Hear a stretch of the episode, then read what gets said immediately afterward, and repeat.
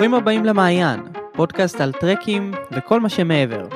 אני עומר, ואיתי כאן יזהר. והימים הם ימי קורונה, ואנחנו מנצלים את הזמן הזה לעבות את סדרת הפודקאסטים שלנו ולהקדיש את הפרק השני לשביל המפורסם ביותר באירופה, הסובב מונבלן. עכשיו, אני זוכר את הפעם הראשונה שהלכתי את השביל הזה, רציתי מאיטליה לצרפת, וכבר בפעם הראשונה, רגע לפני שאני מגיע לבקתה, כר דשא עצום, מאות כבשים רועות, אני מתיישב, השמש בדיוק לקראת שקיעה, ורק אני שומע את הכבשים, את הפעמונים, ואני לבד. סוף סוף אני מרגיש חופש, והחוויה הזאת, פלוס העמק המטורף, וההר הזה שהוא כל הזמן היה מעליי, גרם לי להבין, וואו, כמה אני בר מזל. אז את הפודקאסט היום אנחנו מקדישים לשביל המדהים הזה, וננסה קצת uh, לתת לכם מידע שישרת אתכם ברגע שתרצו לצאת אליו. אז uh, שלום יזהר. אהלן עומר, פעם שנייה. Uh, פעם שנייה, כן. Uh, אתה כאן, אתה חי בצרפת וחי ונושם את המונבלן, ונראה לי אין טוב ממך כדי להציג לנו ולספר לנו קצת על השביל המדהים הזה, ו, ואין ספק שיש עודף מידע לגביו. אז uh, הייתי שמח לדעת קצת, אם אתה יכול לתת לנו מושג כללי, מה זה אומר סובב מונבלן בתכל'ס?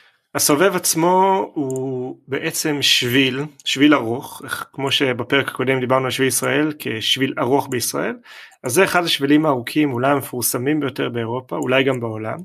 המון אגדות נקשרו סביבו, השביל היפה ביותר באירופה, השביל היפה ביותר פה, הוא באמת מאוד יפה, אה, רוב האגדות שיש סביבו, סביבו נכונות אה, וזה כמובן גם גורם לו להיות מאוד פופולרי לפעמים קצת מוצף במטיילים ובטח גם על זה נדבר היום.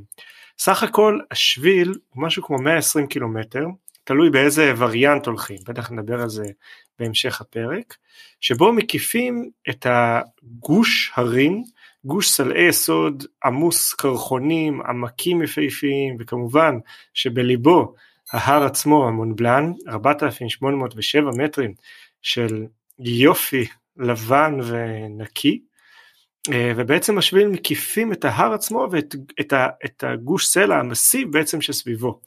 המונבלן הוא בעצם גם גבול בין צרפת לאיטליה והמסיב עצמו הוא גם ממש משולש הגבולות בין צרפת, איטליה ושוויץ וכשאנחנו הולכים בשביל בעצם אנחנו עוברים בין שלוש מדינות ככה ברגל פשוט עוברים בין צרפת לשוויץ או בין שוויץ לאיטליה וכן הלאה. הסיפור עצמו סביב הטרק הוא באמת בשנים האחרונות מאז שאנחנו כולנו הפכנו להיות יצורים אה, מתעדים את עצמנו בלי סוף הוא שנוצר סביב הטרק הזה נוצרה סביב, סביב הטרק הזה איזושהי הילה של אה, ייחוד יוקרה חובה לעשות אותו וכן הלאה.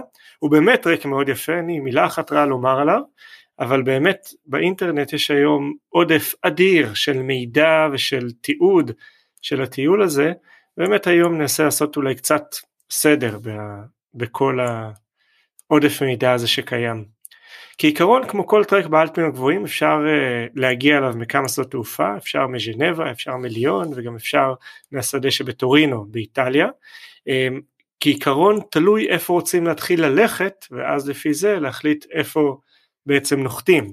הקלאסיקה היא לנחות בז'נבה להתחיל בשמוני, אנחנו אוהבים בתוכנית שלנו שבעצם גם אני וגם עומר מדריכים אה, להתחיל דווקא בקורמיור בתאומה האיטלקית של שמוני.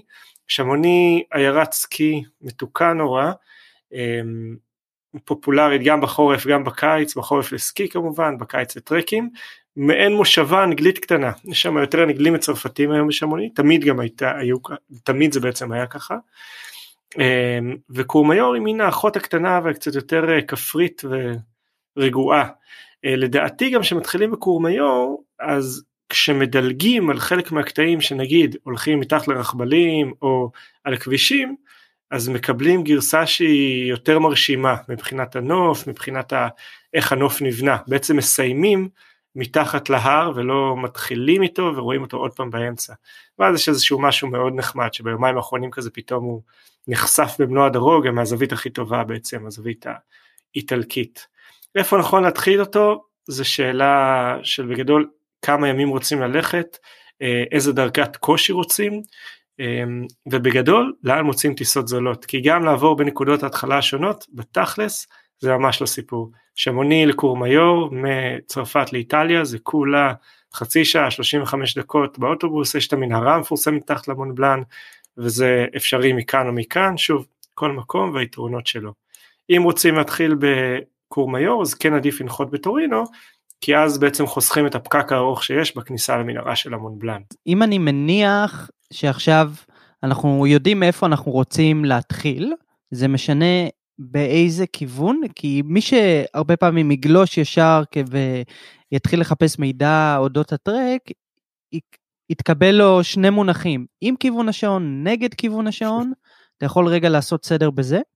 בשנות ה-70 שפחות או יותר פעם ראשונה הטרק הזה נבנה זאת אומרת שהוא לא נבנה לא מישהו עכשיו בא וסידר את השבילים. השבילים כולם היו שם היו שבילי טיולים באיטליה היו שבילי טיול בצרפת כמובן גם בשוויץ.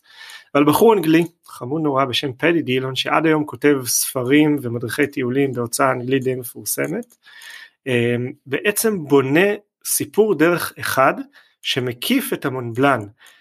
בלי טכניות בלי אלפיניזם רק הליכה ברגל. הוא מסדר את המקטעים פחות או יותר וכשהוא עושה את זה הוא מתחיל בשמוני שוב הוא אנגלי אין לו, אין לו שום מקום אחר להתחיל בו אה, ושהוא עושה את זה הוא עושה את זה באמת נגד כיוון השעון. יש לו הערה קטנה בסוף המדריך שהוא כותב בסוף שנות ה-70 אין שום חובה לעשות את זה נגד כיוון השעון. אבל מאז הספר הופץ והמשיך וגדל ועוד ועוד ועוד וזה הפך להיות שאת המונבלן עושים נגד כיוון השעון. שוב אני אישית חושב שאם עושים אותו נגד כיוון עם כיוון השעון סליחה אמ, דווקא הוא נבנה אה, יותר בקלות מבחינת הרגליים מבחינת כמות העליות כי אפשר להשתמש יותר ברכבלים שעולים למעלה אבל זה בגדול רוב ההבדל. זה מעגל, אז באמת אפשר לעשות אותו ככה ואפשר לעשות אותו ככה, שוב, נורא תלוי איפה נוחתים, איפה מתחילים ואיך עושים את זה. אותו פדי שהוא כותב את המדריכים האחרונים, את ההוצאות המעודכנות יותר, הוא כבר מקי, נותן את אותה, אותו משקל לשני הכיוונים ולחלוקות השונות, אבל שוב זה פשוט נתקע איפשהו שעושים אותו נגד כיוון השעון אבל שוב זה ממש לא חובה זה מעגל. אני חושב שאם אני נזכר בפעם הראשונה שאני תכננתי את הטרק אחד הדברים שהכתיבו לי לאן אני אלך או את אורך הימים זה איפה שאני אשן. מה שמביא אותי לשאלה הבאה באמת איפה ישנים בטרק כי יש כל מיני אפשרויות תוכל להרחיב קצת? בטח בגדול זה לא רק איפה ישנים בטרק זה איפה ישנים באלפים. באלפים יש מערכת מדהימה של בקתות הרים שהיא עולם בפני עצמו עם אה, מסורת, עם תרבות, עם כללים, זה ממש, זה נושא בפני עצמו שאני מאמין שבעתיד בטח גם נעשה עליו פרק, שמסתובבים סביב המולבן, אפשר לישון באמת בבקתות הרים וכשיורדים לעמקים אז יש את העיירות השונות או גם בתוך העמקים יש אופציות קצת יותר במרכאות אני אומר עירוניות. אני מאוד אוהב את הבקתות, הם חלק מהחוויה בעיניי בטיול הזה. בדרך כלל בבקתות יש מעונות, היום חלק מהבקתות כבר ככה חילקו חלק מהמעונות לחלקים, לחדרים סליחה, אה, יותר קטנים של זוגות, שלשות, רביעיות. נורא תלוי בבקתה, נורא תלוי במקום, נורא תלוי אפילו איך היא מקבלת אה, אספקה וגם במסורת שלה.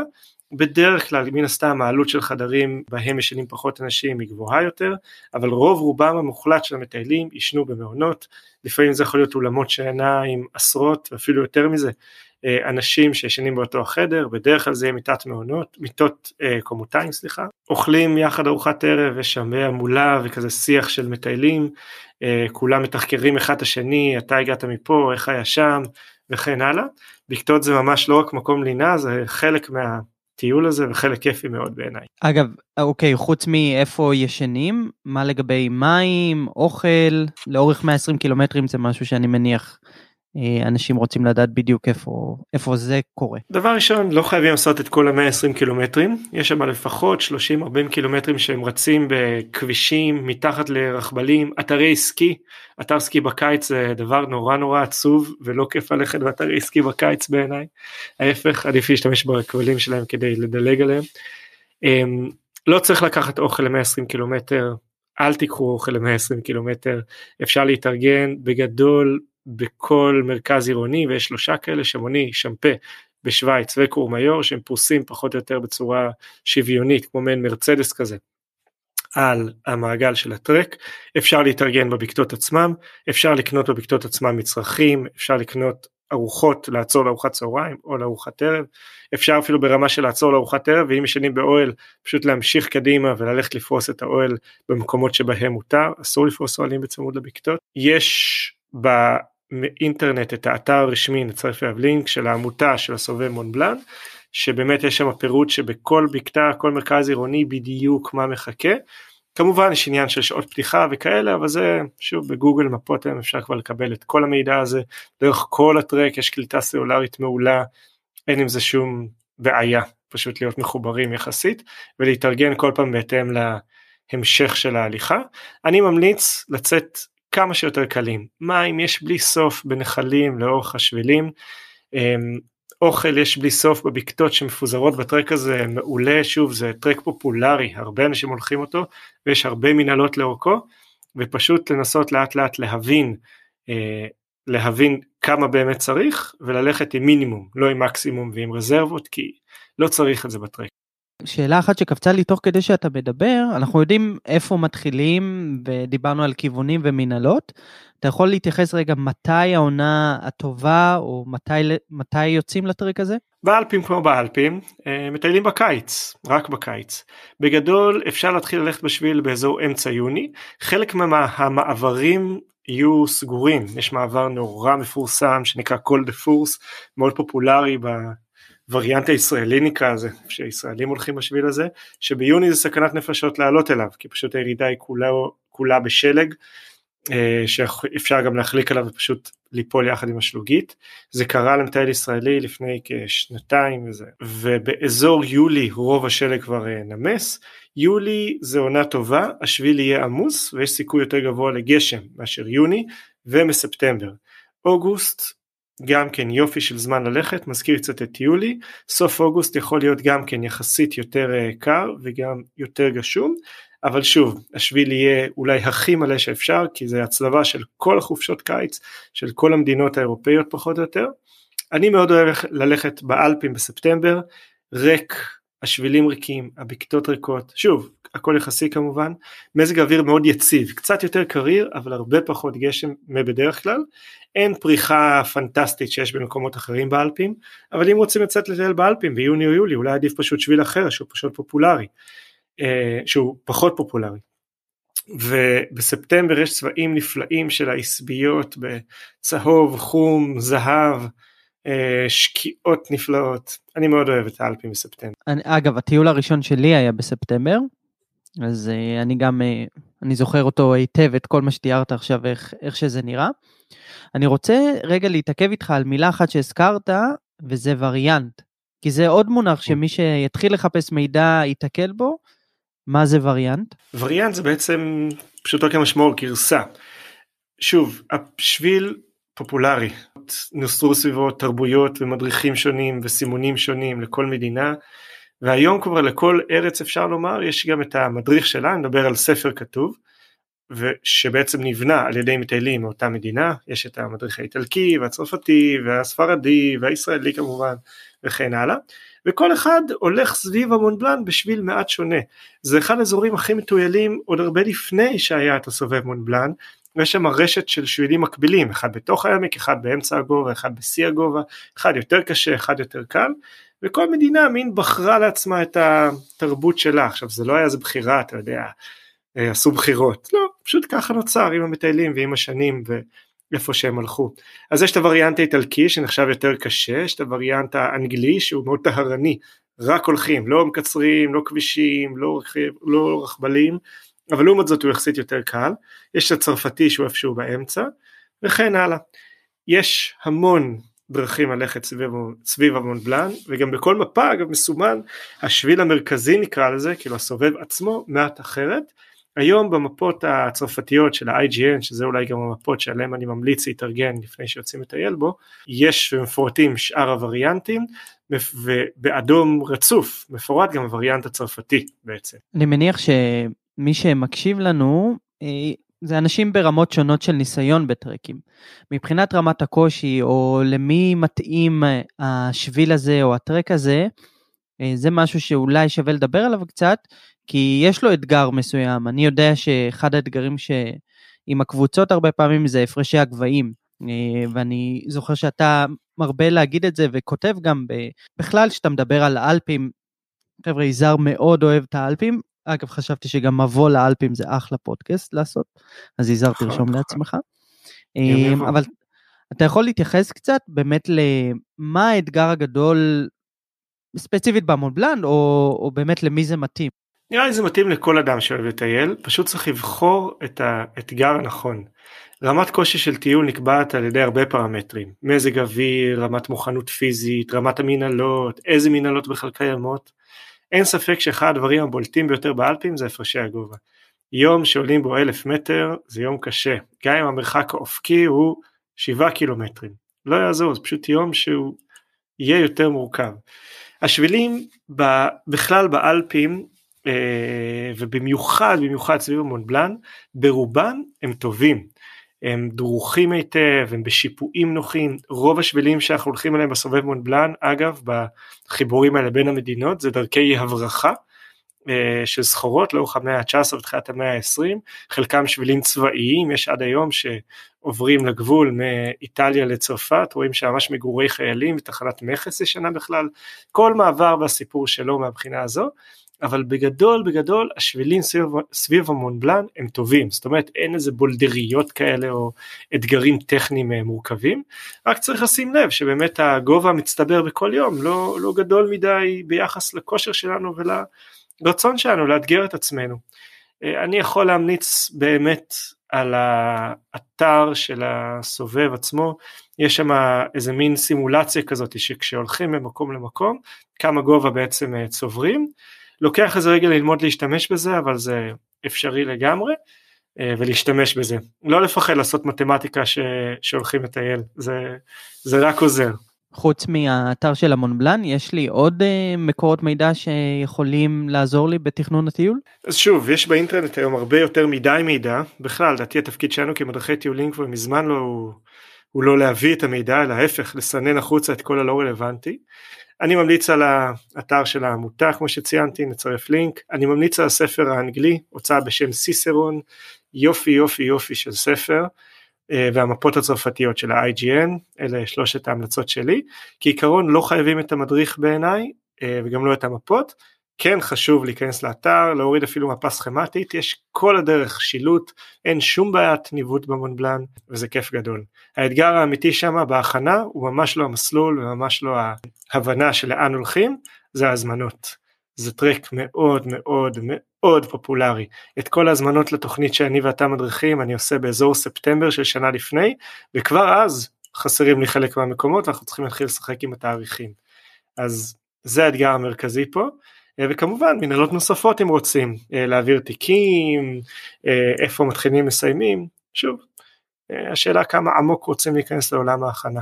אני חושב שנגעת פה גם בנקודה מצוינת, אז אם אתם מקשיבים לנו עכשיו וכבר בוער בכם לצאת לטרק הזה, תתחילו כבר לבדוק מתי אתם מזמינים ולתכנן את הטיול שלכם. יזהר, אתה גם כתבת מבוא מצוין לבקתות, שעושה הרבה מאוד סדר באיך הטרק הזה ייראה. אנחנו נצרף את כל הלינקים האלה באתר של הפודקאסט, במדור של הפודקאסטים. אנחנו מתקרבים לסיום של הפודקאסט השני שלנו. וואו, כל דבר כל כך מהר. וואי, הזמן טס, זה מדהים, אנחנו יכולים לקשקש פה שעות. אבל רגע, אבל אני מחזיר אותנו עדיין למונבלן. אני מניח שכבר מתחילים להבין איך הטרק הזה נראה, מה אסור לפספס כשמתכננים את המון בלנד או צריך לקחת בחשבון? מבחינת ההכנה, כמו שציינתי, אסור לפספס את הפרשי הגובה.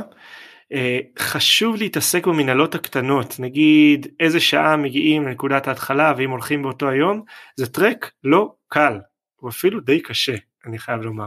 על אף שהוא סופר פופולרי ומוכר, להתייחס אליו בכבוד הראוי. אנחנו כישראלים לא יודעים לטייל באלפים, אנחנו לא מבינים את העניין של הבקתות עד הסוף, לוקח לנו רגע להבין את זה, לא את העניין של הפרשי הגובה, אנחנו לא מכירים הפרשי גובה כאלה בארץ, לקחת את זה ברצינות, זה מבחינת ההכנה לא לפספס.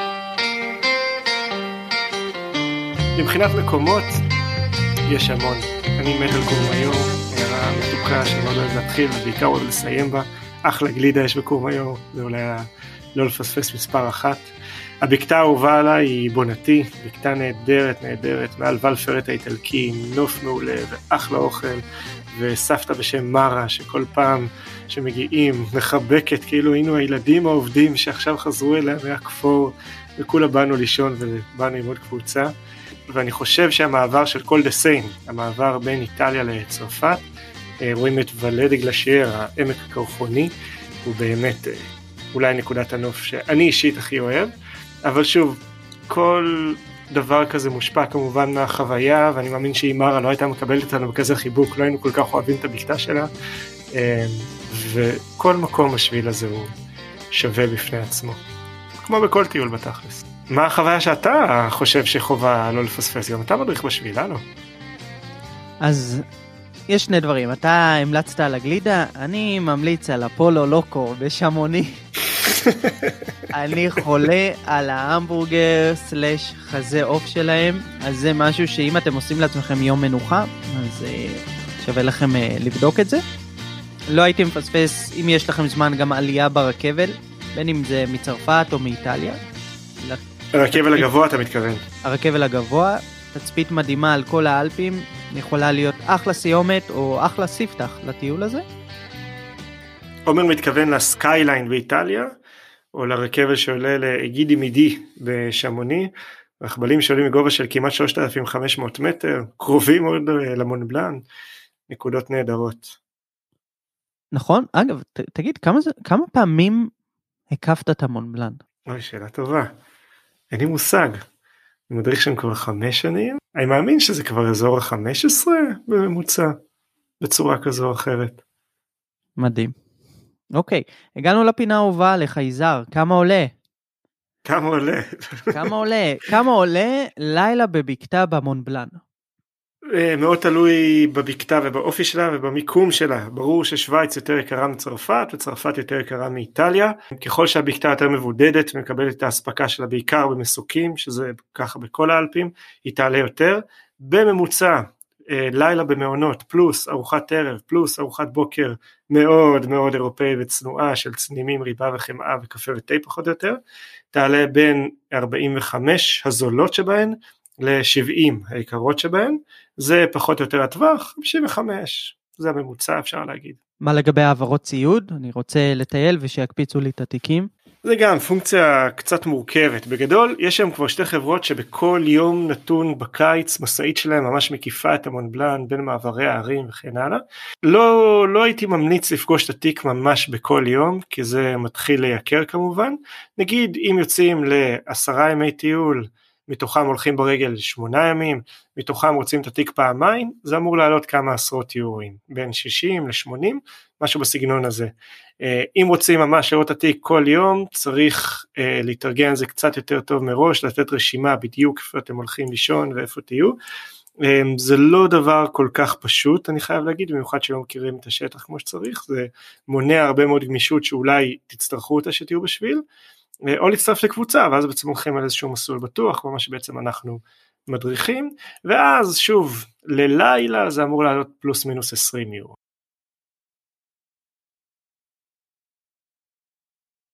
אוקיי okay, ואם uh, ממש לא בא לי לצאת לזה לבד ובא לי להצטרף לטיול של יזהר כמה עולה טיול מודרך? יש כל מיני תוכניות כל שנה אנחנו משנים אותם טיפה הטיול שיזהר זה גם הטיול שלך אומר בעצם. נכון. אה, בגדול עם טיסות עם כל ההזמנות עם כל העברות הציוד עם שינה ברמה יחסית מאוד גבוהה לטיול הזה אה, זה בדרך כלל יוצאנו בין 200 ל-220 יורו ליום פחות או יותר בקבוצה מודרכת אבל שוב זה כולל הכל כל המזון כל העלייה ברכבל הגבוה תוכנית שלמה.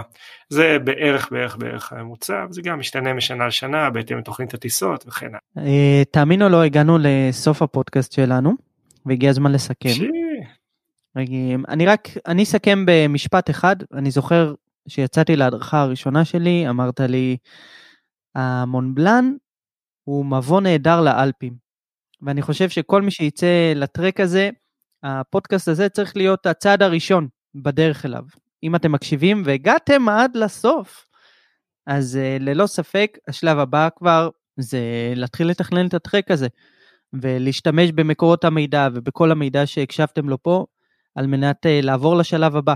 תפתחו את עולם האלפים בפניכם, וזה יהיה משהו שכנראה תתאהבו בסגנון הטיול ובתרבות הזאתי, שאותי באופן אישי גם מאוד הקסימה. אתה ציינת את הישיבה עם מלא תיירים מכל העולם, באיזה בקתה מול קרחון, בתוך עמק מטורף. תרבותית זה פשוט חוויה של מלא אנשים שכולם אוהבים טבע, כולם אוהבים טיולים וללכת ברגל, וזה משהו שללא ספק שווה, שווה לחוות. אז אה, אני רוצה להגיד לך תודה יזהר. תודה לך, ו... נורא חמוד שזכרת את זה. זה באמת מבוא מעולה טיולים באלפים, זה אולי אחד הטיולים הכי יפים שיש באלפים. אולי היום יבוא ונספר על כמה שבילים שאולי בעינינו אפילו קצת יותר יפים ממנו, אבל דורשים מיומנות טיול יותר גבוהה. לי חשוב להגיד שבאמת זה טרק באלפים, צריך להתארגן עליו כמו שצריך, וצריך להתייחס אליו בהערכה הראויה. על אף שהוא כל כך פופולרי, חשוב מאוד להתארגן כמו שצריך ולכבד אותו. נכון, מסכים איתך במאה אחוז, ונסיים בפינת הציטוט. אתה מוכן? קדימה, זאת הפינה האהובה עליי באמת, לא פינת כמה עולה. אה, כן? טוב, אז מהפרק השלישי אני אשנה את הסגנון. פינת הציטוט, וזה הולך ככה. מעטים המקומות בעולם המסוכנים יותר מהבית. אל תחששו ולכו לנסות את שבילי ההרים. הם הורגים את הדאגה, מצילים אתכם מאדישות קטלנית ומשחררים אתכם לחופשי. פשי, איזה ציטוט. תודה רבה. מילה אחרונה. מי אמר את זה? ג'ון מיור. אהבת? כן, לא רע, לא רע. תודה רבה. אתה רוצה להגיד משהו לפני שאני לוחץ על סטופ אה, אה, פודקאסט? אני חושב ששוב בימים כאלה שהקורונה מסתובבת חופשי נשלח אה, הרבה איחולי בהצלחה, אהבה, מה שולחים? לחבר'ה שאנחנו עובדים איתם באיטליה, אותם אנשים שדיברתי עליהם בבקתה בבונאטי כרגע פשוט בבקתה, כל הצוות שם מתבודדים, מקומות שאנחנו ישנים ואוכלים בהם בקורמאיור סגורים לחלוטין, אה, יש סביב האלפים כמה מוקדי התפרצות די דרמטיים בצד האיטלקי בעיקר, אה, ואני מקווה, מקווה, מקווה שהדבר הזה יחלוף מהעולם ושנחזור לטייל באלפים נקיים מהחששה הזאת. ואיחולי החלמה, או, זה האיחולים שצריך לשלוח. לשטח, לאנשים, לעולם. המחשב שלי נתקע, אז לא שמעתי כלום. ראיתי את זה. רק תגיד לי איזה משפט ש... אה, שלחתי איחולי החלמה לכולם. לגמרי לגמרי אינשאללה כבר בקיץ הקרוב נחזור לשביל המדהים הזה ולכל האנשים הנפלאים ש... שחיים סביבו. תודה רבה יזהר. תודה רבה לכם שהקשבתם. תודה רבה. המעיין, פודקאסט, טרקים וכל מה שמעבר, נתראה בפרק הבא. זה פודקאסט או פודקאסט? מה אתה אומר? מושג.